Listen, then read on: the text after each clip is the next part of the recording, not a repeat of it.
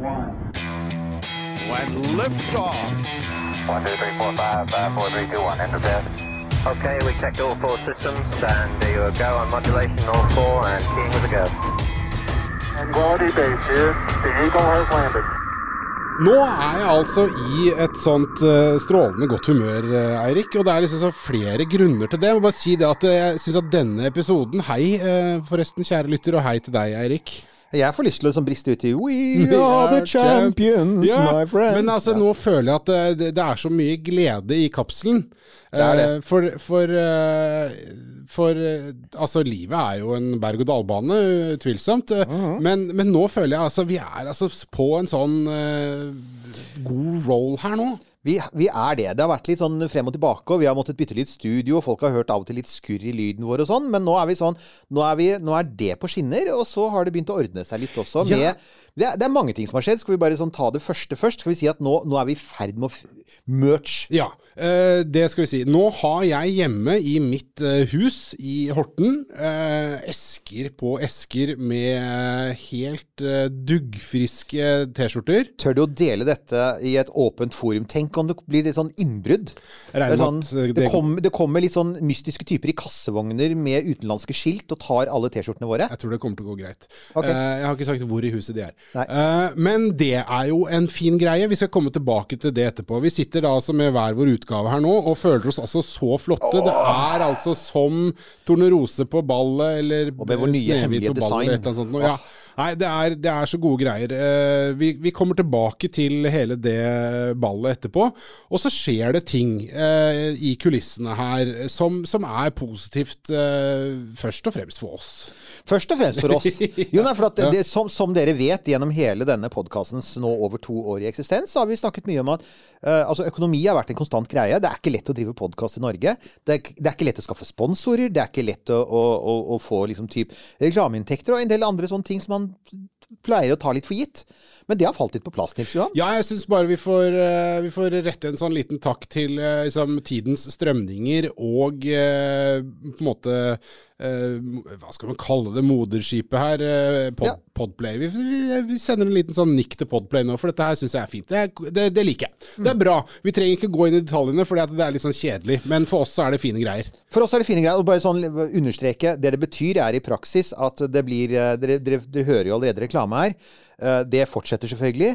Det, det betyr ikke at vi går inn bak noen betalingsmur. Vi fortsetter å, å publisere som normalt, men det betyr rett og slett bare at at eh, vi to får eh, li- li- litt mer romslig budsjett til henholdsvis katt og motorsykkel. Ja, kan kjøpe litt dyrere olje. Og katt, pusekatt får mer fersk torsk. Flotteste Shiba-treats. Nei, hun er altfor snobbete for Shiba. Det er en Grünerløkka-katt, dette. Gud, ja, Men men uansett! Men du, en, eneste skår i gleden her, Eirik, er jo at det kan jo hende at vi går mot slutten av eh, tiden hvor vi kan produsere denne podkasten sammen. For du står jo i fare for å bli kasta ut av landet.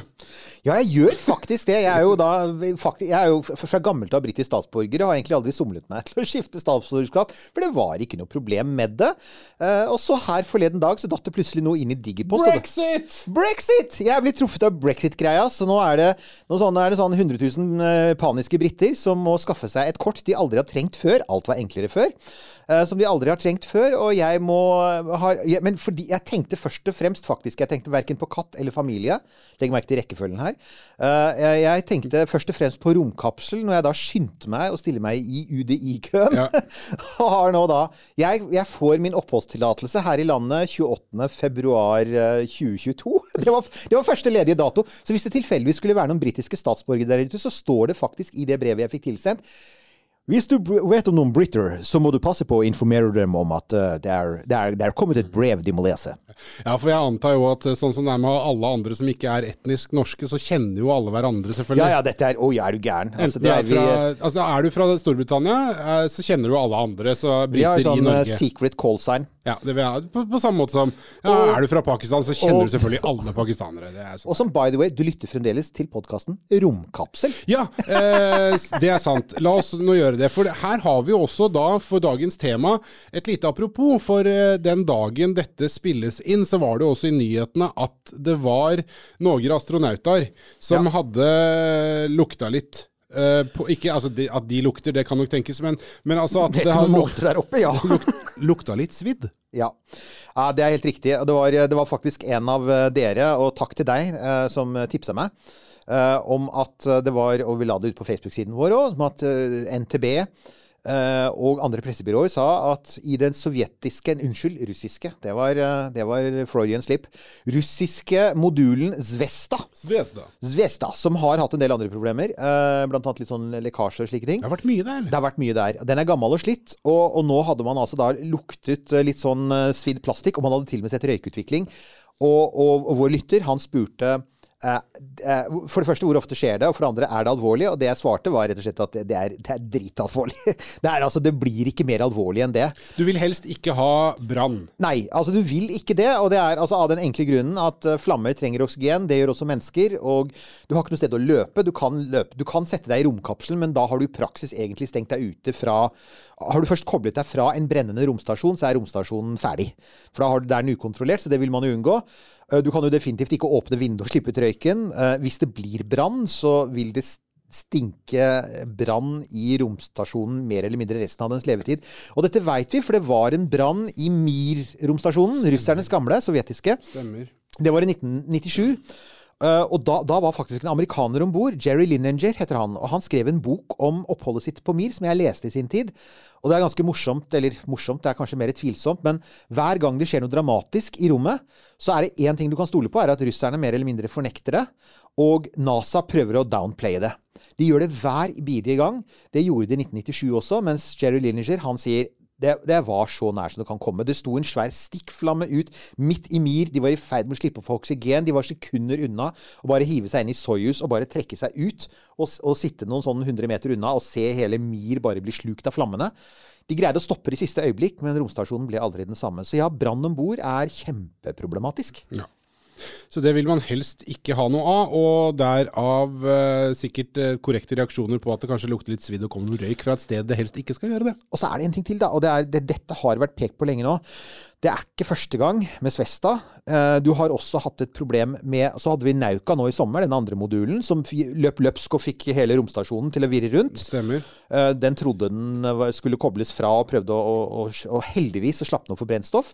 Og så har vi eh, en sak som vi skal snakke om i en, en kommende episode. Det er eh, Soyuz er vel MS-18 eller hva det var for noe, som ble sendt opp i 2018 med et to millimeter stort hull i skroget. Ja. Som det lakk masse fra, som det har vært masse bråk rundt, ikke minst i Russland. Du, eh, er dette her et litt sånn tegn på Nå skal vi ikke snakke om det, så vi skal ikke snakke oss helt bort. Nei. Men er dette litt sånn tegn på at eh, altså, Jeg føler det er en sånn slags begynnelse på en slutt for Ja. eh, Russland som eh, Ja. spacefaring nation her, Det er litt begynnelsen på slutten for Russland. De sliter fryktelig, og det er jo mange grunner til det. Russland henger etter andre land på mange måter, så det rammer også romindustrien. Og så er det nok også begynnelsen til slutten på romstasjonssamarbeidet. Ja. Og, og det har mange snakket om. Altså Romstasjonen er jo ikke bygd for å vare evig. Uh, den har jo nå fløyet i over 20 år. Den er bygd for å vare sånn 20-25 år, så det, det har jo Flere ganger har man snakket om at den kanskje egentlig bare bør styres ned i den der eh, romfartøygraven i Sør-Stillehavet. Kanskje rundt 2025, så har andre sagt nei, vi kan jo gi den til kommersielle, men hvis du skal gi den til kommersielle, så har de et problem. og det at det er, Nå er det masse gammel teknologi der oppe, og, og det som er laget i Russland, og som er sånn typ 10-15-20 år gammelt, det, der, er, ja, da, det, det er preget av tidens tann, altså. Så det, ja, jeg begynner å lure på om ikke hvis vi får flere sånne episoder framover, om ikke flere amerikanere også vil begynne å si ja, men vi skal jo til månen. Skal vi ikke bare bruke alle pengene våre der? Fordi at romstasjonen er innmari dyr i drift. Ja, altså bygge opp Gateway. Altså, Ja, de, har? De, skal jo, de skal jo egentlig bygge en romstasjon i bane rundt månen, så kanskje heller bruke pengene der. Og jeg tenker at antagelig, sånn, hvis, hvis dette fortsetter, så er det antagelig fornuftig. Men du, eh, dette kommer vi helt sikkert til å komme tilbake til, utvilsomt. Eh, vi, men altså, la oss nå er, ja. på en måte dagens tema, som, som vi hadde planlagt å snakke om. Ja! øh, som også jo har et slags sånn snev av eh, aktualitet all den tid eh, vi er i en sånn eh, et skjæringspunkt her. Altså der vi er eh, at a crossroads, som eh, Britney Spears-fans ville sagt. Eh, For dette handler jo om eh, hvor vi skal få energien vår fra. Eh, og skal vi ha vindkraft? Skal vi ha vindkraft til sjøs? Skal vi ha bølgekraft? Skal vi bygge atomkraftverk? Eh, skal vi fortsette å brenne fossilt brennstoff? De fleste mener jo at det ikke er lurt, men noen mener at det er viktigere enn andre. Og så finnes det jo andre måter å skaffe seg energi på, i ekte James Bond-stil. Det er det det gjør. Og dette her er en ting jeg nå, nå, er, altså Med litt sånn ujevne mellomrom så får vi også noen hint om det fra, fra dere lyttere. Om at kan dere ikke si noe om sånn rombasert energi? Eh, og det er, er jo et interessant tema. For det første fordi at selvfølgelig allerede, Det er jo allerede sånn. Romstasjonen vi nettopp nevnte, har kjempesvære solcellepaneler. Produserer jo altså faktisk er det opp til eh, 120 kW eller noe sånt nå. Så det er ikke, det er ikke småtterier den, den kan produsere romstasjonen. Så vi har erfaring med å produsere mye strøm i verdensrommet. Spørsmålet er kan du få den strømmen ned til bakken? Det er jo det, er jo, det, er liksom det I mitt, mitt legmannshode vil jo påstå at ja, eh, med, ved å sende opp eh, måte, komponenter og solcellepaneler osv. med nå SpaceX som gjør det så billig og så flott, Mhm. Så må det jo være kjempelønnsomt, for du slipper jo skyer og alt det der. Ikke sant? Eh, og i det, effektiviteten på solcellepanelene vil jo da være helt uovertruffen. Ja. Problemet er jo bare det å få den strømmen ned til jorda. Ikke sant? For altså, det, altså argumentet, og dette er en ting som NASA begynte å se på dette på 70-tallet. Eh, og det var, det var fordi at det var den første store miljøbølgen. Så man var veldig opptatt av det den gangen òg. Liksom, hva er alternativet? Uh, og, det var jo for at på det tidspunktet så var det blitt stor kjernekraftmotstand i USA, bl.a. pga. Three Mile Island-ulykken. Og da var det mange som sa men uh, hvis vi skal gå over til miljøvennlige alternativer, så er jo ikke de stabile. Vind Altså, det, det er overskyet. Solcellepaneler funker ikke om natten. De funker ikke veldig godt om vinteren i nord. Og det samme med vindmøller. Hva skjer når vinden ikke blåser? Vi trenger stabil solkraft, var det noen som sa. Og da sa NASA vel, altså hvis vi, hvis vi plasserer solcellepaneler i geostasjonær bane, 36 000 km over bakken, sånn at de alltid står over det samme stedet på jorda, så er de også så langt ute at jordskyggen stort sett ikke treffer den. Så det vil si at det er nesten solkraft 24-7. Det er som du sier, du har ikke noen atmosfære som eh, demper og som reflekterer sollys, så du er bare der 30% mer effektiv. Um, og så vil du Og så hadde de allerede den gang svaret på hvordan du skulle få energien ned, og det er ikke en kabel. Det vil ikke være lønnsomt. Nei, for det har vi jo eh, også om da vi snakka om romheis. Ja. Så, var jo, så det er jo problemet der kabel, det går ikke. Det går ikke. Og det er, faktisk er det sånn at eh, ingen av de metallene som du kan bruke til å overføre strøm med via kabel, er i stand til å bære sin egen vekt til en sånn romheis. Så, så selv romheisen vil ikke kunne bruke f.eks. hente strøm fra en kobberkabel, for at den blir altfor tung. Den må også faktisk ha trådløs energi sendt opp fra bakken. Og da tenker jeg eh, sånn umiddelbart at eh, ja, det, det er ikke lenge siden jeg tenkte at eh, det er, vel, det er vel ikke umulig. Men så begynte jo telefonen å ha sånn induksjonslading og sånn, og da Ja. tenker jeg at hø, Kanskje det er mulig å overføre trådløs strøm, som er for meg en Det er så sånn Captain Picard at eh, det Ikke er sant? helt hinsides. Men det, er- det er altså faktisk det. Og, og saken er at um, den, den, en, av de, en av de første som begynte å forske på dette, var jo Nikola Tesla. Han uh, gale Han var jo ganske galt. Kroaten. Som, som var også briljant. Han, var jo, han oppfant jo mye av den moderne elektris, elektriske industrien og ga sitt navn til en viss uh, bil. Ja, du tenker på den elbilen som han uh, Jeg husker ikke hva han heter nå, men uansett, ja, da. Ja, vi kommer sikkert ikke bort til han igjen. Men, eh, så, eh, men, men Tesla var jo Han forsket jo på dette med å overføre strøm på over avstand. Eh, og han fant, jo, han fant jo ut at det var måter å gjøre det på. Det NASA falt ned på, det var mikrobølger. Og det er altså rett og slett ikke helt ulikt de frekvensene som du har i en mikrobølgeovn. Eh, Du mister ganske mye energi selvfølgelig ved å konvertere til mikrobølger og sende dem ned til jorda. Men på den annen side, du vinner jo innmari mye ved å ha det i verdensrommet. Så det man kom til, var at det var verdt å gjøre det under, altså, under én forutsetning. Um, og, og det var jo at, um, at prisen var lav nok. Ja, det var Altså- den vel ikke da. Nei, og, og, og NASA hadde jo håpet på at liksom de hadde håpet på at romferja skulle løse dette. ikke sant? Vi har jo snakket om dette før, men at romferja ble solgt inn som en sånn billig ja, som en, en billig sånn lastebil. Ja. Altså, Det skulle ikke koste innmari mye mer å sende ting opp i rommet enn egentlig å, å kjøre langtransport på jorda, liksom. Så vet vi jo eh, erfaringsmessig at eh, når det kommer til eh, budsjettkontroll, så er jo NASA ganske gode. Eh, omtrent like gode som, eh, som stat, Statsbygg her i Norge. Omtrent like gode. Så, så den der drømmen om eh, en, en bokstavelig talt eh, shuttle, ferje, opp i rommet. Den ble ikke noe av. NASA eh, la dette på hylla. Eh, og så var jo da spørsmålet så, var, så var spørsmålet liksom sånn OK, kom dette noensinne til å skje igjen? Og så har det ligget dødt veldig lenge. Og så har det altså, de siste årene, og det er jo derfor folk har begynt å hinte litt om at dette bør vi snakke om, så har det begynt å skje ting igjen. Og det man har hørt mest om, det er fra Kina. Men når du begynner å researche dette her, så vil du se at amerikanske myndigheter er nå også faktisk gått ganske langt inn i dette her. Um, og de ser på dette ikke først og fremst som sånn det som skal erstatte liksom alle oljekraft- og gasskraftverkene de har. I utgangspunktet så ser de, de dette som et, sånt, et nisjeprodukt. Der du kan fange opp strøm i rommet, og så beame det ned med mikrobølger til f.eks. sånne hva er det heter, FOB Forward Operating Bases, altså sånne amerikanske militærbaser. I f.eks. Afghanistan, hvor man ikke er lenger, men da, nemlig. Men Ja, da man var i. Afghanistan, så var disse basene ofte veldig isolerte. Ja, ja. Så måtte du fly inn forsyninger med helikopter. Og det de egentlig forbereder seg på, det er jo en fremtid. For det er jo sånn som folk sier, ja, men hvordan skal du utkjempe kriger uten, eh, med, med elbiler, ikke sant? Ja. Det kan jo være et argument for elbiler, vil noen si.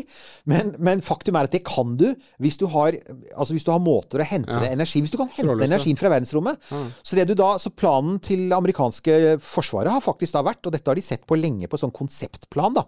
Det er at du, du sender opp eh, satellitter eh, i bane. Med svære solcellepaneler. med svære solcellepaneler, med digre mikrobølgesendere. De beamer det ned til, det, til en sånn det er en antenne på bakken som konverterer da mikrobølger til strøm igjen. Og det heter ikke antenne, det heter på engelsk heter det rectenna.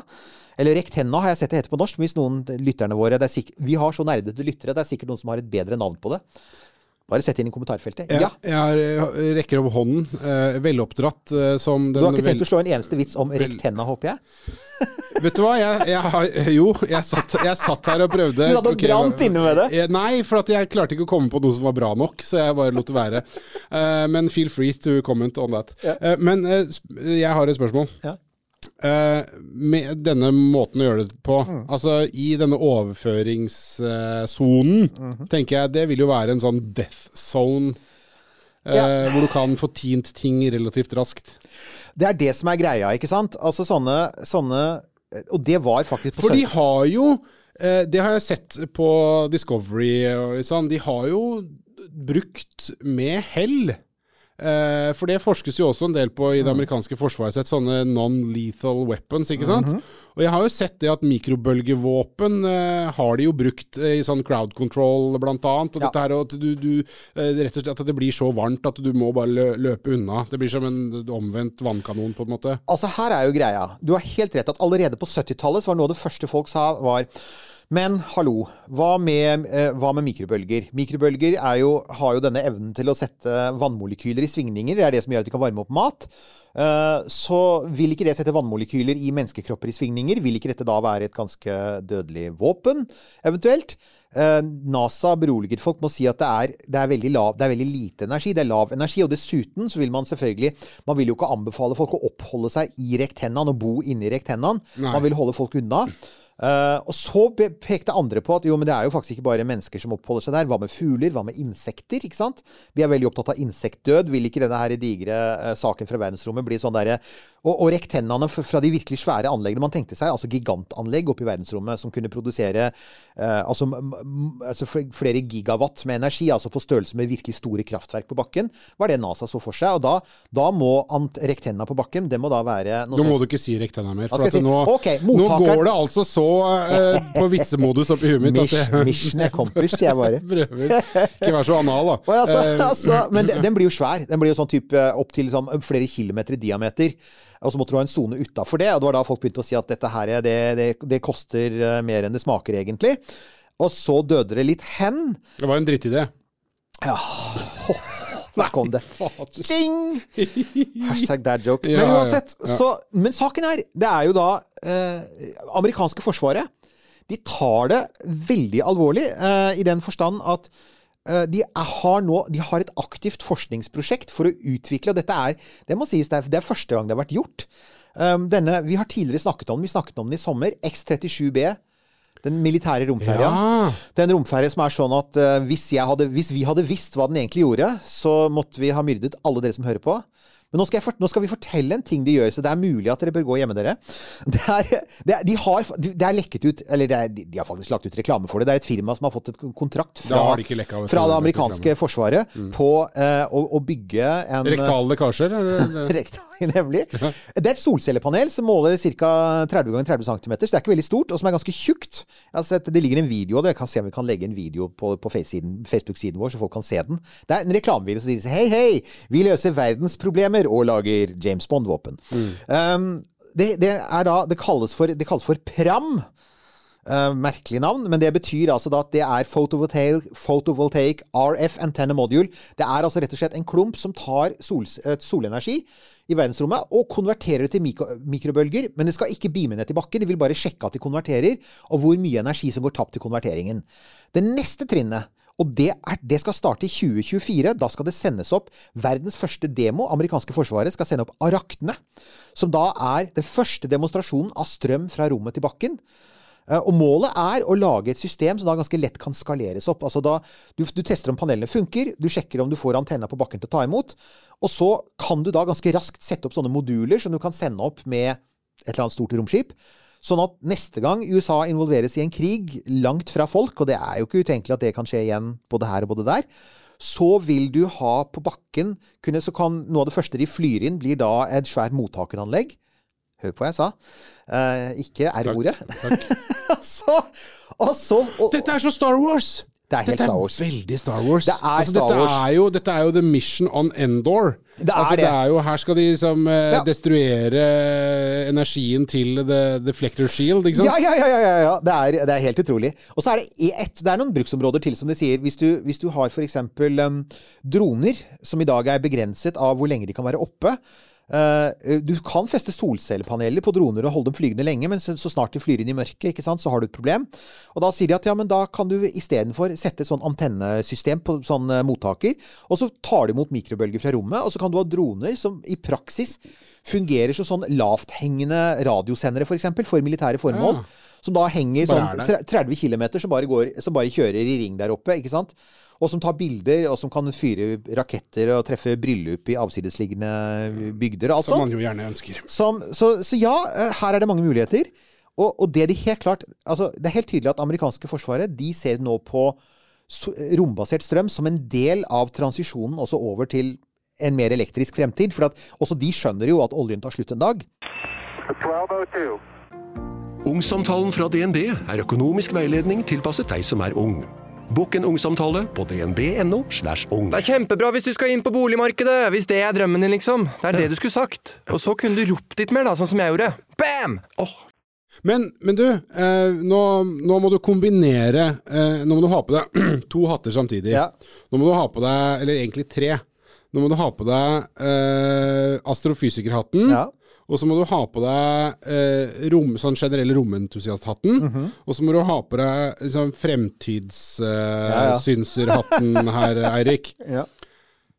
Jeg tenker, uten at jeg nå kjenner detaljene i dette her, men så tenker jo jeg at dette må jo være en eh, løsning som kan skaleres opp forbi bare det amerikanske forsvarets behov. Og jeg ser jo for meg her at eh, altså I likhet med disse her sol, solkraftanleggene som man har, sånne svære parker med speil som beamer en konsentrert solstråle opp til den svære tanken med sånn salt eh, og noe greier, som genererer varme, og som altså, in essential er Det er jo et dampkraftverk. Ja.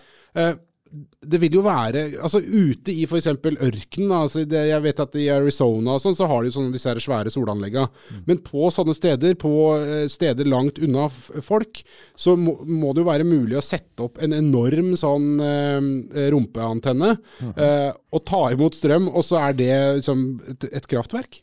Jepp. Det, det, ikke sant? Er, og det er det man ser for seg, er nettopp det at det er Altså det blir, det, for så vidt blir det litt som med, med, Starlink, satellittsystemet, som først og fremst skal gi god dekning i distriktene. da, På steder med lite folk. For når du kommer nær de store byene, så, så, så, så blir konsentrasjonen av folk for stor til at det blir effektivt. Det er noe av det samme du ser her. Dette egner seg best for uh, igjen avsidesliggende områder, områder med lite befolkningstetthet, helt klart, og litt sånn spesielle litt spesielle situasjoner. Og det ser man på det andre landet som nå investerer mye i, i dette. Det er jo Kina. Kina har, eh, Kina har holdt på med rombasert kraft en stund nå, og så la de det ned. Men etter 2018 har det tatt seg opp igjen, mye pga. hele klimadebatten. Og nå er det faktisk i, i det sørvestlige Kina så er det en liten landsby som heter Heping. Når jeg sier liten landsby, så har de antagelig to, Ja, to millioner to innbyggere. millioner innbyggere. Ja. um, og sitt eget universitet. Men uh, der, det nå, der bygger man nå det første sivile anlegget. Hvor man skal teste overføring da, av energi med mikrobølger over lange avstander. Man har allerede testet fra 300 meters høyde.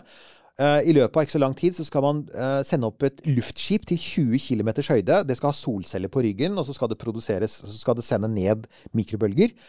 Og planen er at innen, i løpet sånn rundt 2030 så skal man bygge et anlegg på, um, på 1 megawatt i rommet. Bare for å sette det i kontekst. Da. 1 megawatt, det er altså eh, Romstasjonen produserer noe sånt noe som eh, ja, 80 til 120 eh, kilowatt. Så det er ca. åtte ganger mer enn romstasjonen på en god dag. Så det er, altså, det, er ikke, det er ikke umulig. Altså, romstasjonen har vi jo bygd, og vi ser jo hvor store solcellepanelene er der. Så kineserne skal altså sende opp åtte ganger mer solcellepaneler. Og prøve å, å sende, ned, sende energi da til denne landsbyen, og se om dette kan bli den første landsbyen på kloden som rett og slett altså lever av strøm fra rommet. Og så er da planen Uh, og, altså Dette skal da fullføres innen 2035, og så er planen at i 2049 Og det er da, for folk som er interessert i historie, det er 100-årsdagen for Folkerepublikken Kina. Så de har, de har lange mål, altså. Mm, ja, ja. Da, de har plan, da har de planer om et, um, et, et anlegg på 1 gigawatt. Og 1 gigawatt det tilsvarer altså et mellomstort kjernekraftverk. Eller altså jeg tror ett sted så tror jeg så at det er altså igjen noe sånn seks, sju, åtte ganger kanskje Alta-kraftverket når det kjører full guffe. Og igjen, hvis det er feil, så bare rett på oss i kommentarfeltet. Men det er liksom den skalaen vi snakker om.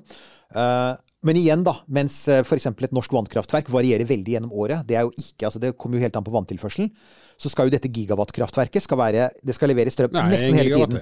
Det er nesten hele tiden, ikke sant? Så det blir, og det er den biten som jeg tror gjør at på sett og vis solbasert energi kan tippe over i en del, i en del markeder, er akkurat det. At mens du alltid må ta forbehold med sol og vind, så må du, og, og, og også vannkraft, så kan du si at nei, hvis det er i rommet, og hvis det er i en viss høyde, så kan du altså faktisk helt presist også si selvfølgelig når du kommer i skyggen, så det, du veit nøyaktig når det kuttes av. Så det er ikke sånn at nei, nå ble det tre uker med overskyet vær, så nå fikk vi nesten ikke energi. Nei, nei, du veit nøyaktig hva du har å deale med. Så Ja, jeg tenker jo at altså, Det høres jo helt strålende ut, eh, dette her. Men, men i, eh, altså, tilbake til ja. problemet her, da. Er jo disse her, denne sonen.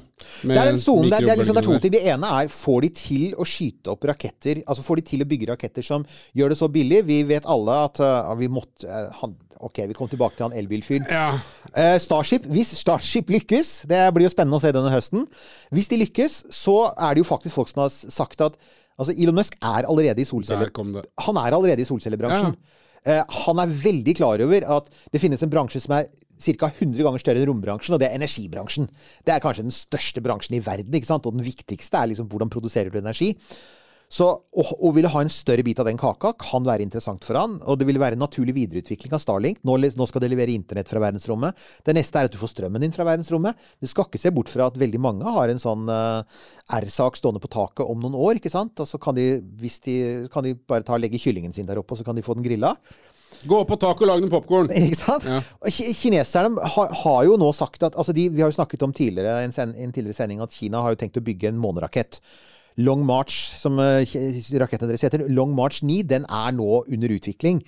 Den skal bli sånn Saturn 5-klassen. Den skal kunne sende et stort romskip til månen. De sier at det, også den skal bli delvis gjenbrukbar. Der har de lært av eh, SpaceX. Så hvis de får til det, da, at Long March 9 blir delvis gjenbrukbar, og de får ned prisene på oppskyting, så skal vi ikke se bort fra at de kommer til å klare det å sende et digert anlegg opp i rommet. Så, men det er den sonen, som du sa. Og i Kina så sier de um, Ifølge et universitet i Beijing, det fant jeg ut her ja, så i, I Heping, denne landsbyen, så vil eksperimentsonen, altså der hvor du skal ta imot strømmen, den er på to hektar. Men den har en fem ganger større buffersone som folk ikke får lov til å gå inn i. Ja.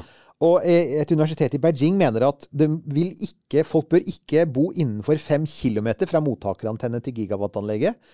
Eh, og eh, ikke bare det, men hvis du trådløs kommunikasjon, typ wifi og mobiltelefoner og sånn, vil kunne bli helt disrupted. Ofte. Mye lenger unna, eh, kanskje flere mil unna. Ja, ja, ikke sant? Men, men igjen, da. Eh, så Og, og det er, It all makes sense, ikke sant, når du sier det. Og jeg tenker at eh, hvis folk var bekymra for at eh, covid-vaksina inneholdt eh, 5G, så kan dere begynne å hisse dere opp over de greiene her. For her har du jo virkelig en greie. Og, men, men så tenker jeg da at all den tid potensialet i dette her, eh, i hvert fall i, i mitt hode, i mine ører, høres såpass stort ut, så tenker jeg sette opp en svær sånn rumperakett, eh, ikke rumperakett, rumpeantenne, eh, midt i Sahara-ørkenen. Og så er det verdt den investeringa det koster å ha det anlegget der ute, og den kablinga inn til der hvor det bor folk. Eh, sånn at det, Ja. det, det lar seg det, altså det, Du kan regne det greiene der hjem, da. Så framt du ikke dreper alt av flyvende liv som kommer i nærheten av det greiene der, da. Altså, jeg tenker da eh, jeg, jeg, jeg, tenker akkurat det samme som deg der, eh, men jeg tenker også at, at disse svære anleggene som er oppe i rommet og som produserer strøm, det kan jo også tenkes at For man har snakket mye om at det skal sendes ned til jorda, men det kan jo også tenkes at de kan bli nyttige for andre ting. Altså, Det kan bli nyttig for bosetninger, f.eks. på månen. Det kan bli nyttig om vi skal ha en sånn interplanetarisk økonomi à la The Expanse. Så må vi også ha noen energibatterier i rommet. Så du skal ikke se bort fra at denne typen anlegg Akkurat nå ser vi det for oss som en sånn løsning, eller en, del, en liten del av en løsning på energiproblemet på jorda. Men at det kan bli en veldig viktig del av det som blir altså Hvis vi, klarer, hvis vi skal industrialisere verdensrommet, da, som mange håper på, flytte masse farlige virksomheter opp i rommet, produsere mange flere ting opp i rommet og få en økonomi der oppe, så må man jo også eh, bygge disse tingene her. For at jo, jo, kjernekraft kan løse en del av det problemet, men det er klart, nær jorda så er solceller i rommet en kjempegod løsning. Det er det jo, uten tvil.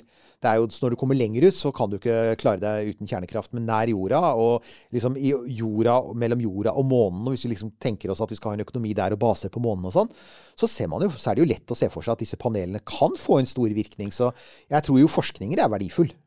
Utvilsomt. Og, og så antar jeg jo at man vil klare å komme på kanskje bedre måter å overføre strøm Ja, det på jo, en- enn det å- en annen, enn å være helt sånn blowfelt eh, der på, det på båndstadiet. det, det, det andre alternativet som eh, igjen vi veit at amerikanske forsvaret har utredet, er jo om mulig enda mer blowfelt. For du kan jo Altså, mikrobølger er jo en ganske sånn fortynna og utspredt måte å levere energi på. Det finnes jo en veldig konsentrert måte å gjøre det på, det er laserstråler. Og du kan jo rett og slett ta og bruke solcellene til å bygge en svær Altså til å drive en svær romlaser, sånn som bare bare sender ned en kraftig stråle, som så kan konverteres til energi på bakken. Du har én veldig stor fordel med det, og det er selvfølgelig at den der eh, mottakeren er ikke lenger en rektenna. Det er faktisk en, eh, en eller annen form for sånn lyskonverteringsenhet som står på bakken. Kan til og med kanskje bare være et sånn varmeelement som du driver og varmer opp, og så lager du damp, ikke sant? Ulempen er selvfølgelig at da har du en bona fide dødsstråle fra rommet. Ja. Og det er jo Vi har jo vært der tidligere med sånn So, Mr. Bond, ikke sant? Ja, ja. med, med, med Blowfelt og den hvite katten hans og alt det der. Uh, det er jo Diamonds Are Forever. Jeg måtte Ja. dobbeltsjekke det, og det stemmer jo. Det er jo Diamonds Are Forever. Det er plottet der!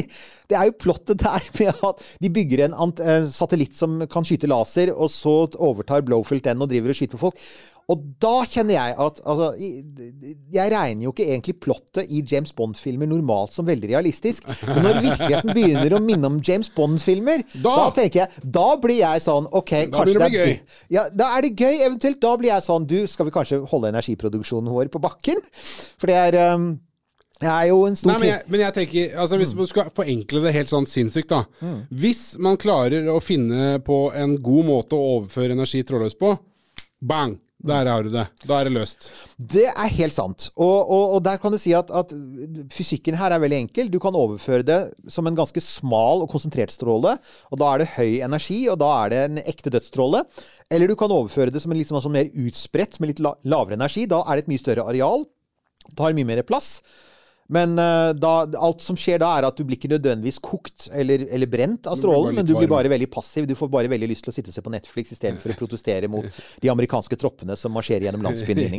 Ja. Så det er, det er selvfølgelig og, og, og du, Det ene opp mot det andre. Jeg ser, liksom, jeg ser fordeler og ulemper med begge. Jo, men her også, som, jeg, som er litt sånn morsomt poeng oppi det hele, er jo at eh, her har vi jo også, uten at det var en intensjon, på en måte uh, rettferdiggjort en liten flik av liksom Billionaires in Space, eh, og alle som kritiserer Billionaires in Space for å altså, brenne fysisk, bokstavelig talt, penger for å komme opp i verdensrommet med sine fallossymboler, eh, istedenfor å bruke pengene på å løse eh, problemene på jorda.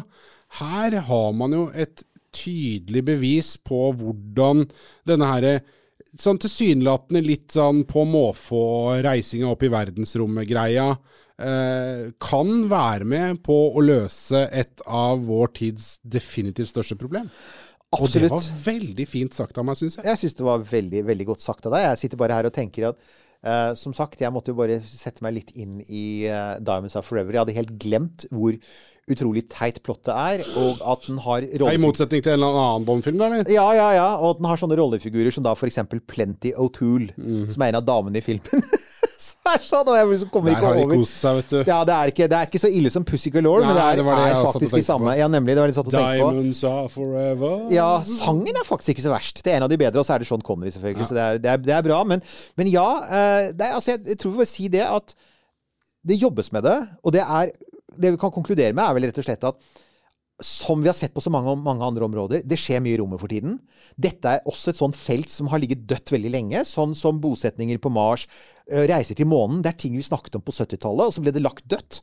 Og nå begynner man å plukke opp disse gamle tankene igjen, og det liker jeg jo. Altså, Nostalgikerne i meg liker det, for at jeg, jeg vokste opp i en Altså, i min barndom, da, så var det helt vanlig. Jeg husker de bøkene jeg hadde, de var fulle av sånne der, eh, roterende romkolonier og byer på Mars, og store solcellepaneler i rommet, og, og vi skulle få en grønn klode ved hjelp av romteknologi. Så jeg liker jo at man plukker opp det, og så samtidig så kjenner jeg på han fyren med den hvite katten. Og da har jeg lyst til å komme med en litt sånn smooth overgang til noe. For det er artig at du skal nevne dette med liksom, bosetninger på Mars og, og roterende romstasjoner. For hvis ikke jeg husker feil, så var vel en av de første som på en måte konseptualiserte og hadde den ideen som en sånn realistisk tanke, det var jo eh, Werner von Braun.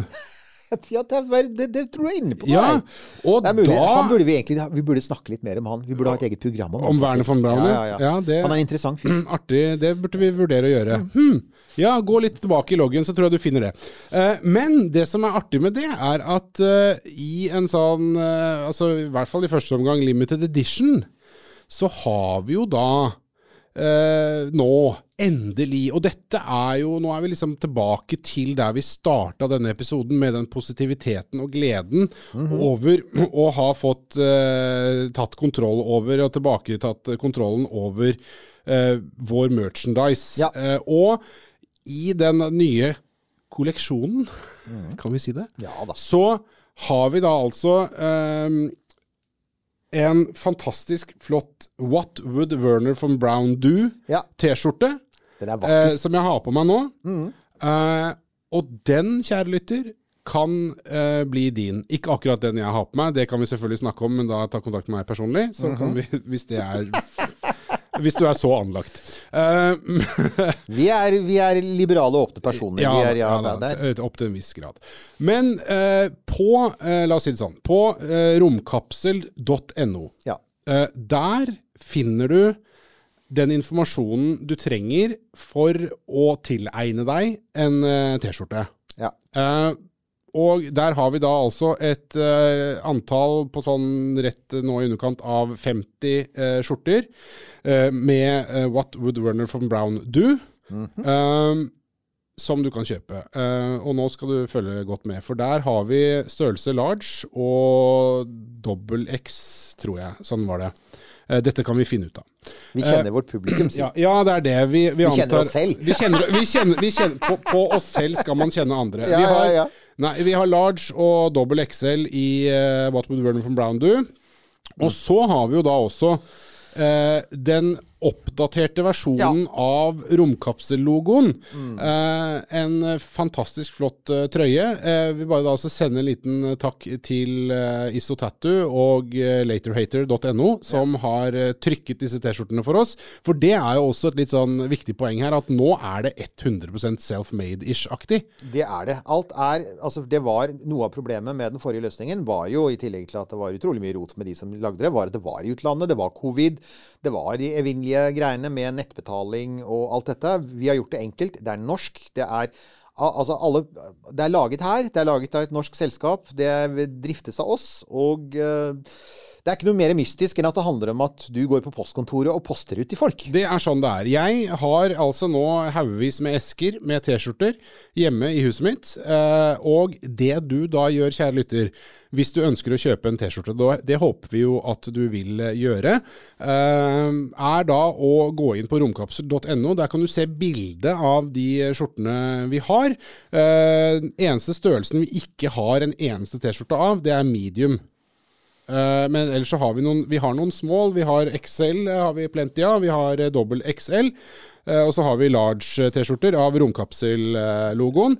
Eh, send oss en mail til merch at romkapsel.no. Eh, og det er eh, det eneste stedet eh, vi tar imot bestillinger på de trøyene. eh, for å gjøre det litt sånn eh, For å holde litt styr på det, rett og slett. Men alt, alt du er trenger å vite manuelt. står på romkapsel.no. Vi Ja. gjør det enkelt, og det, det som skal være i mailen og sånn, det står der. Ja. Så da, da tar vi det derfra. Ja. Rett og slett. Eh, og så eh, får du Ja, det, det ordner seg der. Ja. Eh, og vi håper jo at uh, mange har lyst til å kjøpe T-skjorter.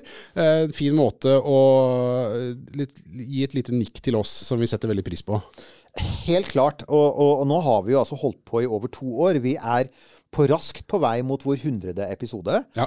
Eh, og vi har flere lyttere enn noensinne. Og skal vi dømme etter engasjementet Vi passerte nettopp 3000 følgere på Facebook. Hei! Veldig bra. Takk, takk for alle dere som følger oss, og ikke minst takk, takk til alle dere som er aktive inne på nettstedet vårt. Og det er altså så mange tips og, og kommentarer hver eneste dag. Og, og, og alt sammen er bra. Jeg må si dere, dere er en fin gjeng, det må jeg få lov å si. Nå har vi snakket mye om oss og T-skjortene våre. Men jeg må vel si det igjen. Uh, det er virkelig gøy. Altså, dere veit jo at jeg tilbringer mye tid med å svare på ting. Men det er fordi at jeg, jeg, jeg koser meg jo. For at det er så mye bra, det kommer, og det kommer så mange gode tips, og dere har så mange gode forslag og interessante tanker og alt mulig. Så dette er jo noe som Altså, det er jo, dette er jo vår pasjon òg. Vi gjør jo dette fordi det er gøy. Definitivt. Men så er det det der igjen med, med katter og motorsykler, at de, de, de er kostbare i drift. Og det, vi trenger penger, altså. Og da, så da, ja, da er det T-skjorter og litt diverse. Ja, og så skal vi bare si det, nevne kjapt også, at uh, det kommer snart også eh, mugger, kopper. Ja. Ah, de største ja, muggene. Ja, det, det, kom, det kommer snart. De er bestilt. Uh, gå på romkapsel.no. Uh, når du ser at de har dukka opp der, så kan du også få en. Jeg kan jo også si at eh, sånn siste lille ting om T-skjortene, da. Eh, du hører fremdeles på en uh, podkast om romfart. Eh, det, er, det er at um, des, altså, designet er litt forandret, så du får Ja. gå inn på romkapsel.no og se på, se på det. Altså, det er mer monokromt og moderne, vil jeg si. Jeg syns det er eh, veldig kult. Ja. Men det ville jeg jo si, da, for at jeg prøver jo å pushe en T-skjorte på deg akkurat nå. Ikke sant. Uh, men uh, så har vi fremdeles VIPS. Det kan vi bare minne om. Altså at hvis du syns uh, Hvis du føler at dette er støttverdig, så, så er vi fremdeles på Romkapselen Youth og Halvorsen, er det vel vi heter. Stemmer. Tusen takk for det. Tusen takk for det. Takk for at du fortsetter å høre på oss. Vi er veldig glad i deg, kjære lytter. Så enkelt kan det sies. Nå er det påskesalg hos Ark. Du får 30% på påskekrim og 40% på alle spill og puslespill. Jeg gjentar Ark har 30% på et stort utvalg krim og 40% på spill. Det er mye påske for pengene. Så hamstre påskekosen i nærmeste Ark-butikk eller på ark.no.